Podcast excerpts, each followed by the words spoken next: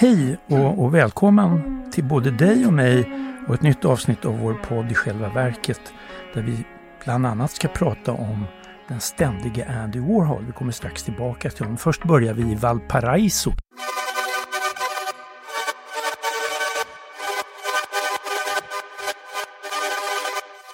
kan börja i Valparaiso och sen tar vi oss till Buenos Aires med denna fantastiska resa som har gjort mig lite jetlaggad. Därför är jag kanske lite okoncentrerad idag. Jag ska vi nog rota bort på. Ännu fler dagar kanske som kommer, jag vet inte.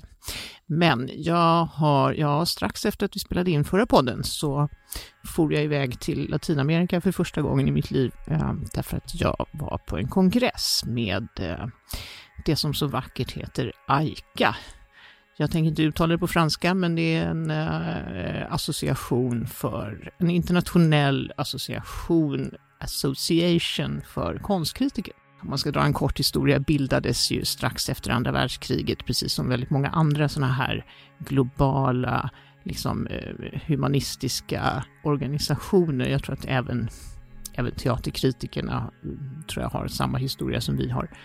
Svenska eh, sektionen av AICA Svenska konstkritikersamfundet bildades 1955, så vi kom ja, lite senare. Det bildas nya sektioner faktiskt hela tiden. Det finns väl ett 60-tal länder som är med och de flesta är ju ja, ganska givet kanske i Europa. Varje år ordnas det då kongress och årsmöte med detta. Den där illustra lilla skara kritiker. Och det här var då första kongressen efter pandemin och nu var det en sån här samorganisering då mellan Chile och Argentina. Så att första halvan var i Valparaiso och den andra i Buenos Aires. Eh, jag hoppades ju då innan jag åkte att vi skulle prata konstkritik med anledning av den här kongressen, men det var inte så mycket kritik som diskuterades faktiskt, trots titeln. Titeln, eller rubriken på hela kongressen var ju då uh, What are we talking about when we talk about art criticism in the 21st century? Och det har jag undrat länge. Och svaret är inget särskilt. Typ. Nej, det var inte riktigt så, men det handlade väldigt mycket om förutsättningarna för både konsten och kritiken egentligen. Det var föredrag om, om eh, feministiska perspektiv, postkoloniala perspektiv, kapitalismens kris, lite, lite så åt det hållet och en del föredrag egentligen bara om eh, enstaka konstnärer. Det var ganska mycket om eh, covid, hur eh, museer och institutioner klarade sig över covid och vad de lärde sig av det. Alltså att man började använda digitala möjligheter liksom på ett, ja, på ett sätt som man inte hade gjort annars kanske. Presentationer, livevisningar och lite sådär alla de här eh, tusentals webbinarierna som pågick som, som eh, man kanske har tröttnat på till viss del. Nu vill man ju bara träffas, nu vill man inte sitta och stirra på en skärm. Eh, men ja, lite pratades det ju handfast om kritik. Och det lite ironiska var att Dan Cameron, han var en sån här keynote speaker i Buenos Aires. Han är ja, kritiker och har varit, uh, har chefat på New Museum i, i uh, New York. Han öppnade med att säga att allt skrivande, om man befinner sig i konstbranschen, är en form av konstkritik. Vare sig man är curator eller, eller kritiker eller liksom ska skriva någon essä, någon katalog eller vad som helst men jag läser aldrig konstkritik för den är så himla tråkig. Så bara, tack. tack. Tack för den. Tack Dan.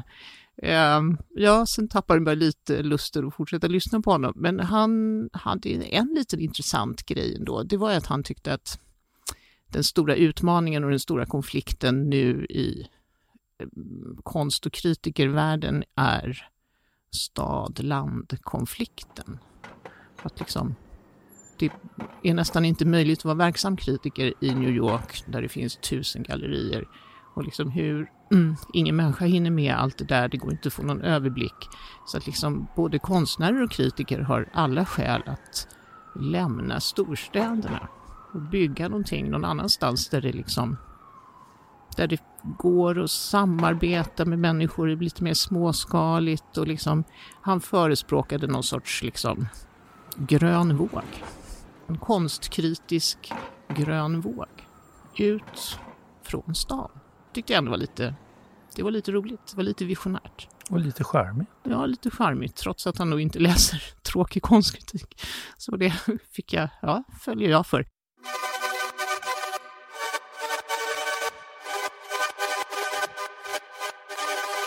Det var ett annat föredrag som handlade väldigt handfast om eh, något kritikideal. Men då kan jag istället fråga dig för att du ska komma in. Ja, Vad du men- har för kritik, kritikidealet. Ja, jag vet inte. Det är svårt det där. Jag ska ju helst gå och läsa i alla fall och inte vara för mördande tråkigt då som din eh, eh, curator tyckte. Ehm, jag brukar ju framhålla en gubbe som är rätt rolig och har fått Pulitzerpriset, Jerry Saltz. Det är en eh, 70-plussare i då just New York som är väldigt rolig på sociala medier om inte annat.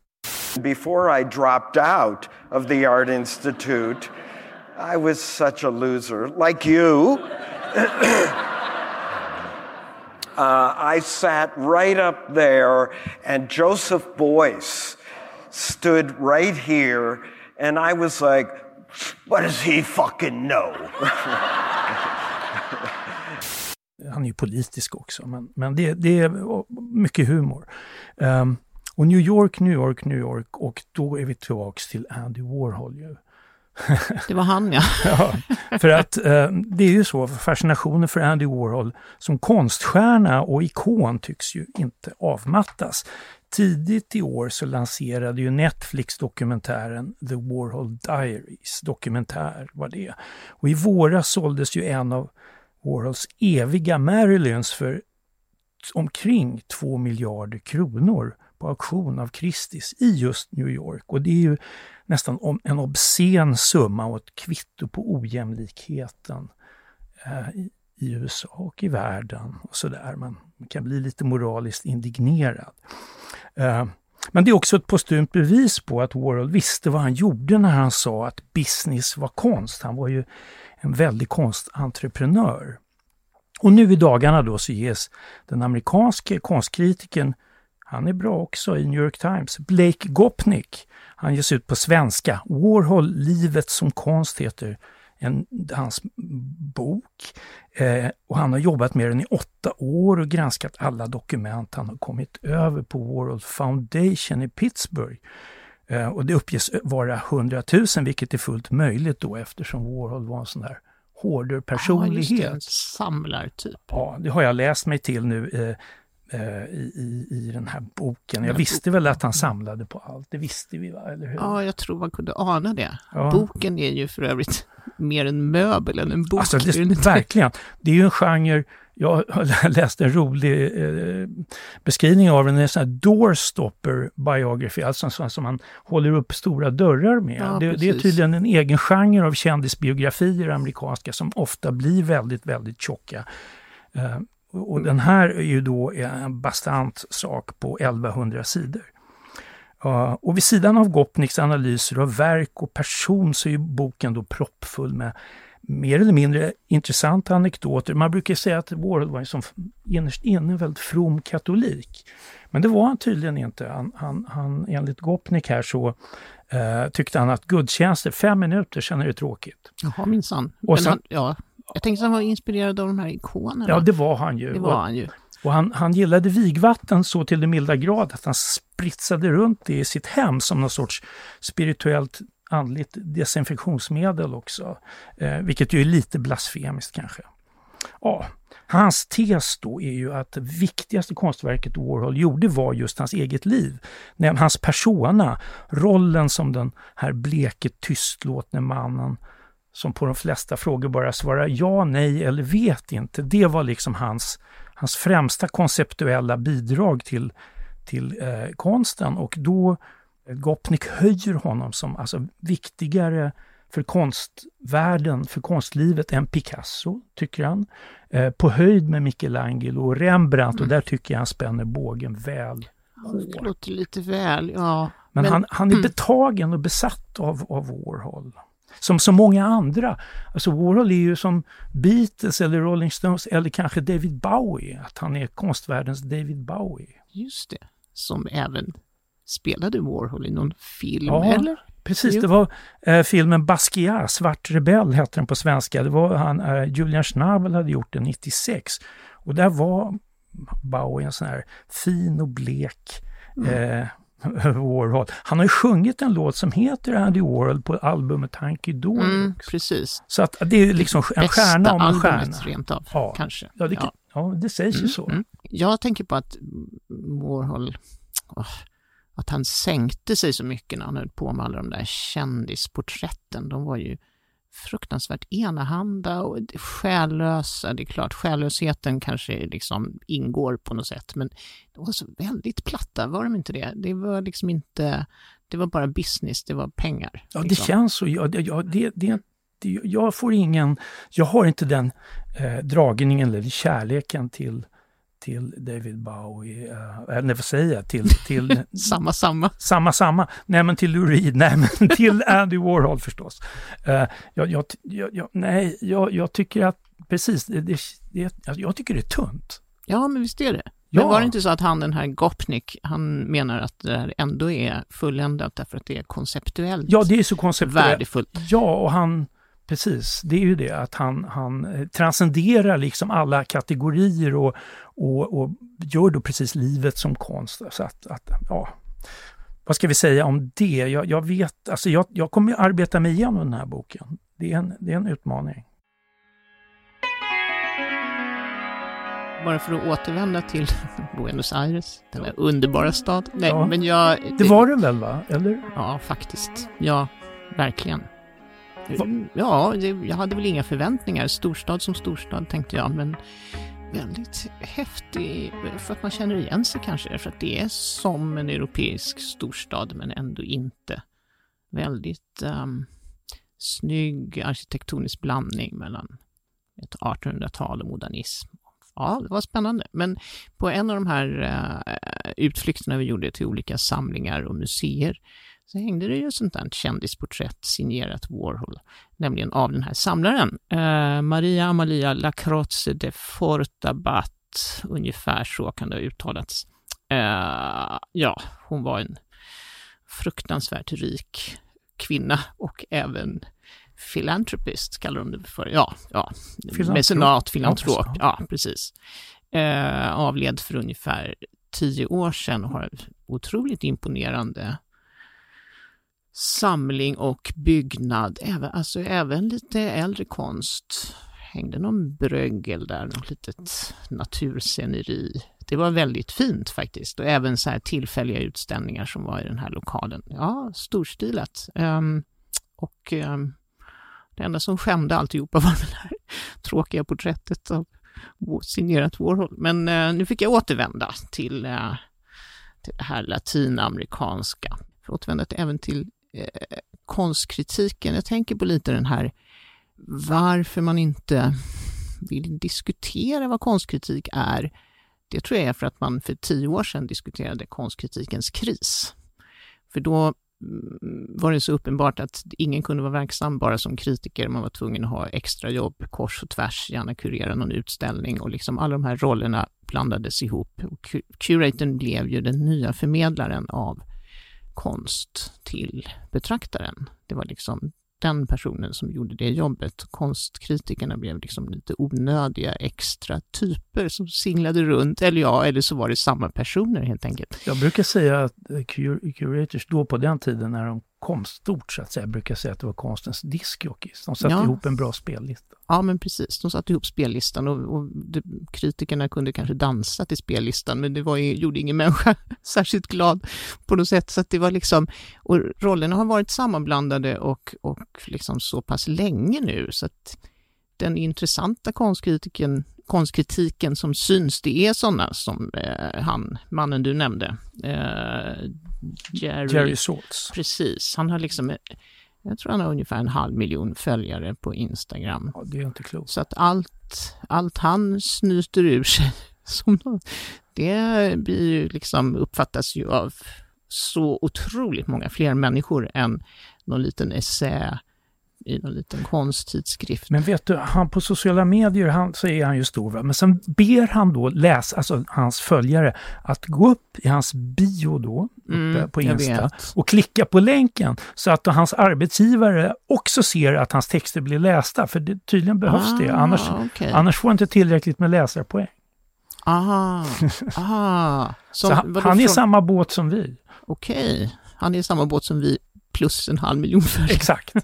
När vi får en halv miljon lyssnare på våran podd, då, då Har vi kan inte vi det redan? Det kanske vi har. Jag tror Man vet faktiskt. inte riktigt. De, de behöver inte klicka någonstans. Eller ni, kära lyssnare, behöver inte klicka någonstans. De, vi vet ändå, typ.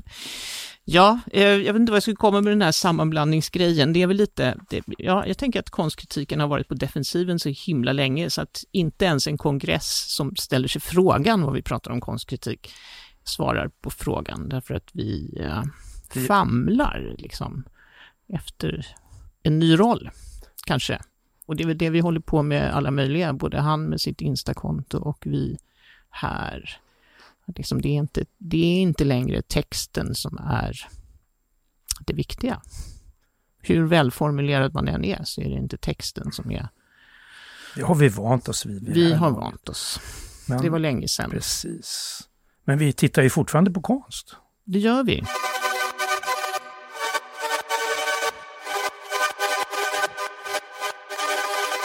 Och idag har vi faktiskt sett, idag då när vi spelar in detta, har vi sett en utställning på Magasin 3 som är, eh, var länge sedan det var något nytt där. Det öppnade någon samlingsutställning i mars. Ja, det var tidigt Lite i smyg Ja, öppnade precis. den. Lite diskret. Ja, men nu öppnade Maja Atun Solar Mountains and Broken Hearts. Maybe for this exhibition, the theme is creation in Frankenstein. But I think at some point you create your story. It gives you a kind of space to create your own monsters. Det är ju en fin titel. Mycket.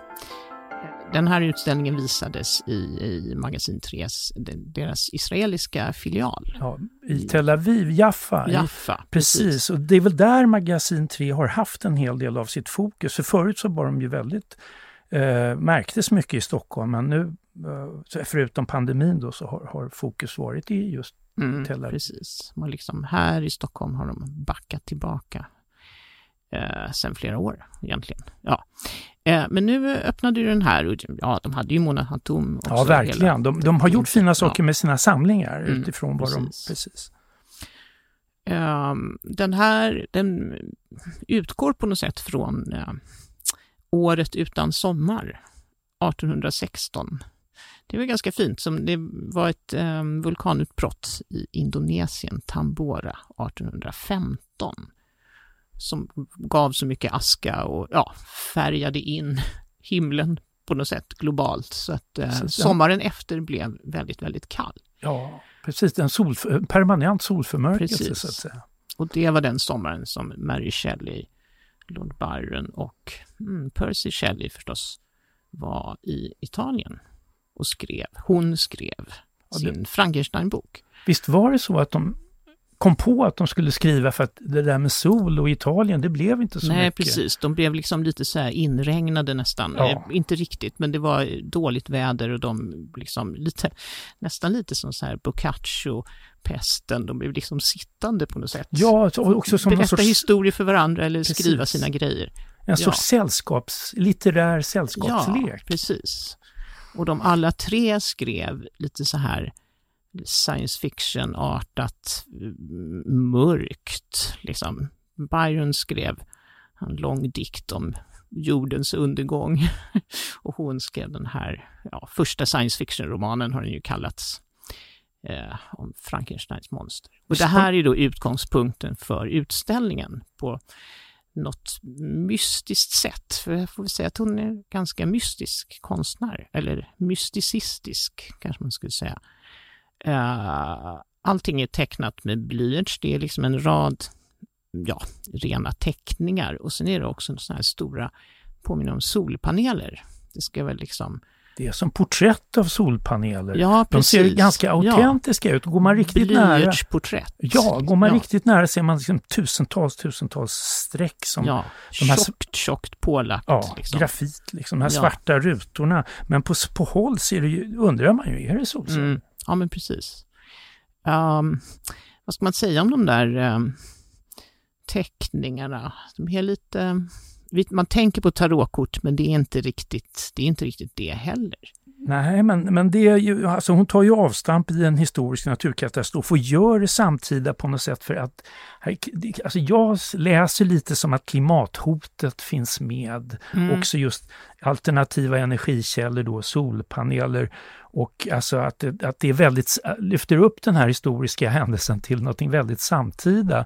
Samtidigt som hon är ganska new ageig. Ja, precis. Det är liksom så här uttryck. sagoartat. Det är någon sån här, någon rovfågel och det är lite här, eh, olika träd och någon hand och, liksom, och sen också lite symboler, siffror, någon kortlapp. Bland annat en planet kan man läsa det som, som ser ut som en basketboll.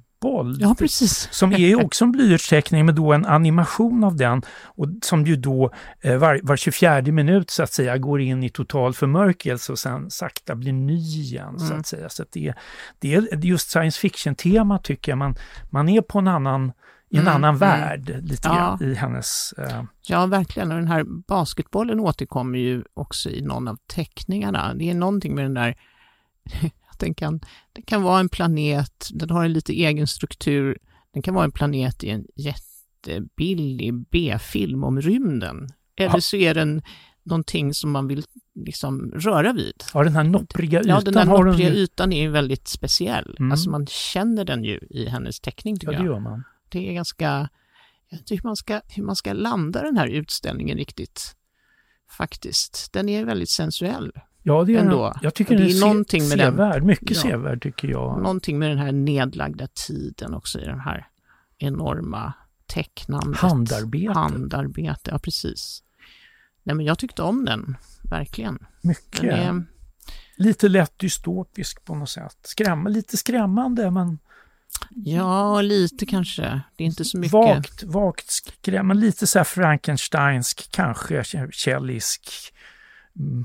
Mm, Eller, eller läser vi in för mycket då kanske? jag vet inte, man måste ju ha Frankenstein i bakhuvudet på något sätt. Eller? Det måste man ju, man måste ju det, ja, det, de ska ju liksom finnas på något sätt i ens tolkning, tänker jag. Men eh, ja, vad det är för något människor skapar just nu kanske inte så jättebra saker kanske. Ja, typ. Mm.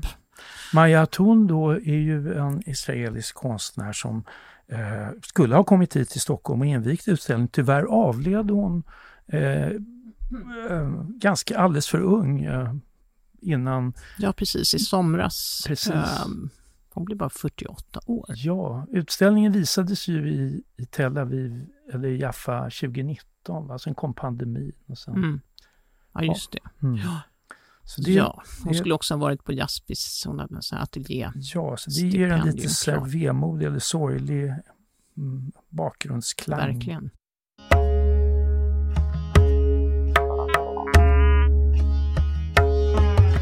Och de här konstattackerna bara fortsätter. Är också vemodigt. Ja, lite. Ja, faktiskt. Jag tycker de har fel mål, fel träffyta, fel målbild. Aktivisterna som, jag kan ju förstå alltså protest mot, mot alltså, oljebolagens groteska profiter och ohämmade eh, fortsatt, ohämmat fortsatta exploatering av, av naturresurser. Eh, och, och eh, så, men precis, för medan våra avsnitt här så har man smaskat på orange färg på, på en skulpturgrupp i Vigelandsparken. Stopp oljeletinga kallade sig de aktivisterna. Hvorfor gjør dere dette i dag? Vi gjør det fordi at eh, vi nødt til å fortelle det norske folk hvor alvorlig klimakrisa er.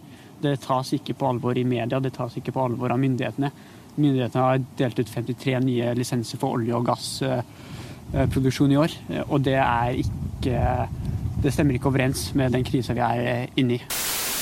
Och utanför Paris gamla börshus, som nu är en del av miljardären François Pinaults konstimperium, där där står det en skulptur av Charles Ray, Horse and Rider, som är ett självporträtt i blänkande metall av den amerikanske konstnären, som också fick sig en orange färgsmocka. Ja, ja, men det, tanken är väl någon sån här att ja, när världen inte längre är beboelig så, så kommer konsten inte ha något värde heller. Men det känns lite, ja, jag vet inte, det känns lite onödigt att avskaffa, eller ja, vad ska man säga, drastiskt konstkritik nu. Jag vet inte. Är det de som är konstkritiker? Det är de som är framtidens konstkritiker. Det kan vara så faktiskt. Med tanke på vilka verk de väljer ut så är det ganska välvalt ändå. Ja, eller hur? Det är ju som en... en Lite hedrande att få en sån färgsmocka. Ja, för då är man ju en känd konstnär, kanske som Gustav Precis. Klimt i Wien som också fick någon eh, klibbig sörja på sig. Eh, och det var ju det verket bakom glas. Men jag menar, förra gången sa jag att när, när man gör det tionde gången så kanske inte blir samma mediala uppmärksamhet, men det blir det ju. Ja, det verkar det, väl... Det är bara att fortsätta. Vi är snart uppe i tio gånger. Så jag tror det. Ja, jo, men, men det är vi säkert. Men, men när det finns så många oljebolag och som har fantastiska kontor, kanske särskilt i Oslo, och så kan man ju kanske välja en, en lobby där eller, eller åtminstone en fasad eller någonting istället för ett konstverk. En tanke bara. Ja, mm. men jag, ja, nu är ju inte de här konstverken förstörda, så, så vitt jag har förstått, men det är ändå så att den här konstsabotage-idén på något sätt, man sätter sig i samma båt som, som människor som verkligen har förstört konst, tänker jag. För det är ju inget nytt, det är, är så många ja, som har gjort det. Ja, ja jag, är, jag känner mig emot, hur mycket jag än liksom är på aktivisternas sida i sak, så, så är det... Jag röstar också mot. Jag säger nej. Vi säger nej tråkigt. Ja. Det är alltid tråkigt att säga nej. Ja. Men nu, nu har vi gjort det. Ska vi tacka för oss Ulrika? Vi gör det tror jag. Ja. ja tack för oss. Tack Clemens. Tack Ulrika. Du har lyssnat på en podcast från Aftonbladet och Svenska Dagbladet. Ansvarig utgivare är Anna Karenborg.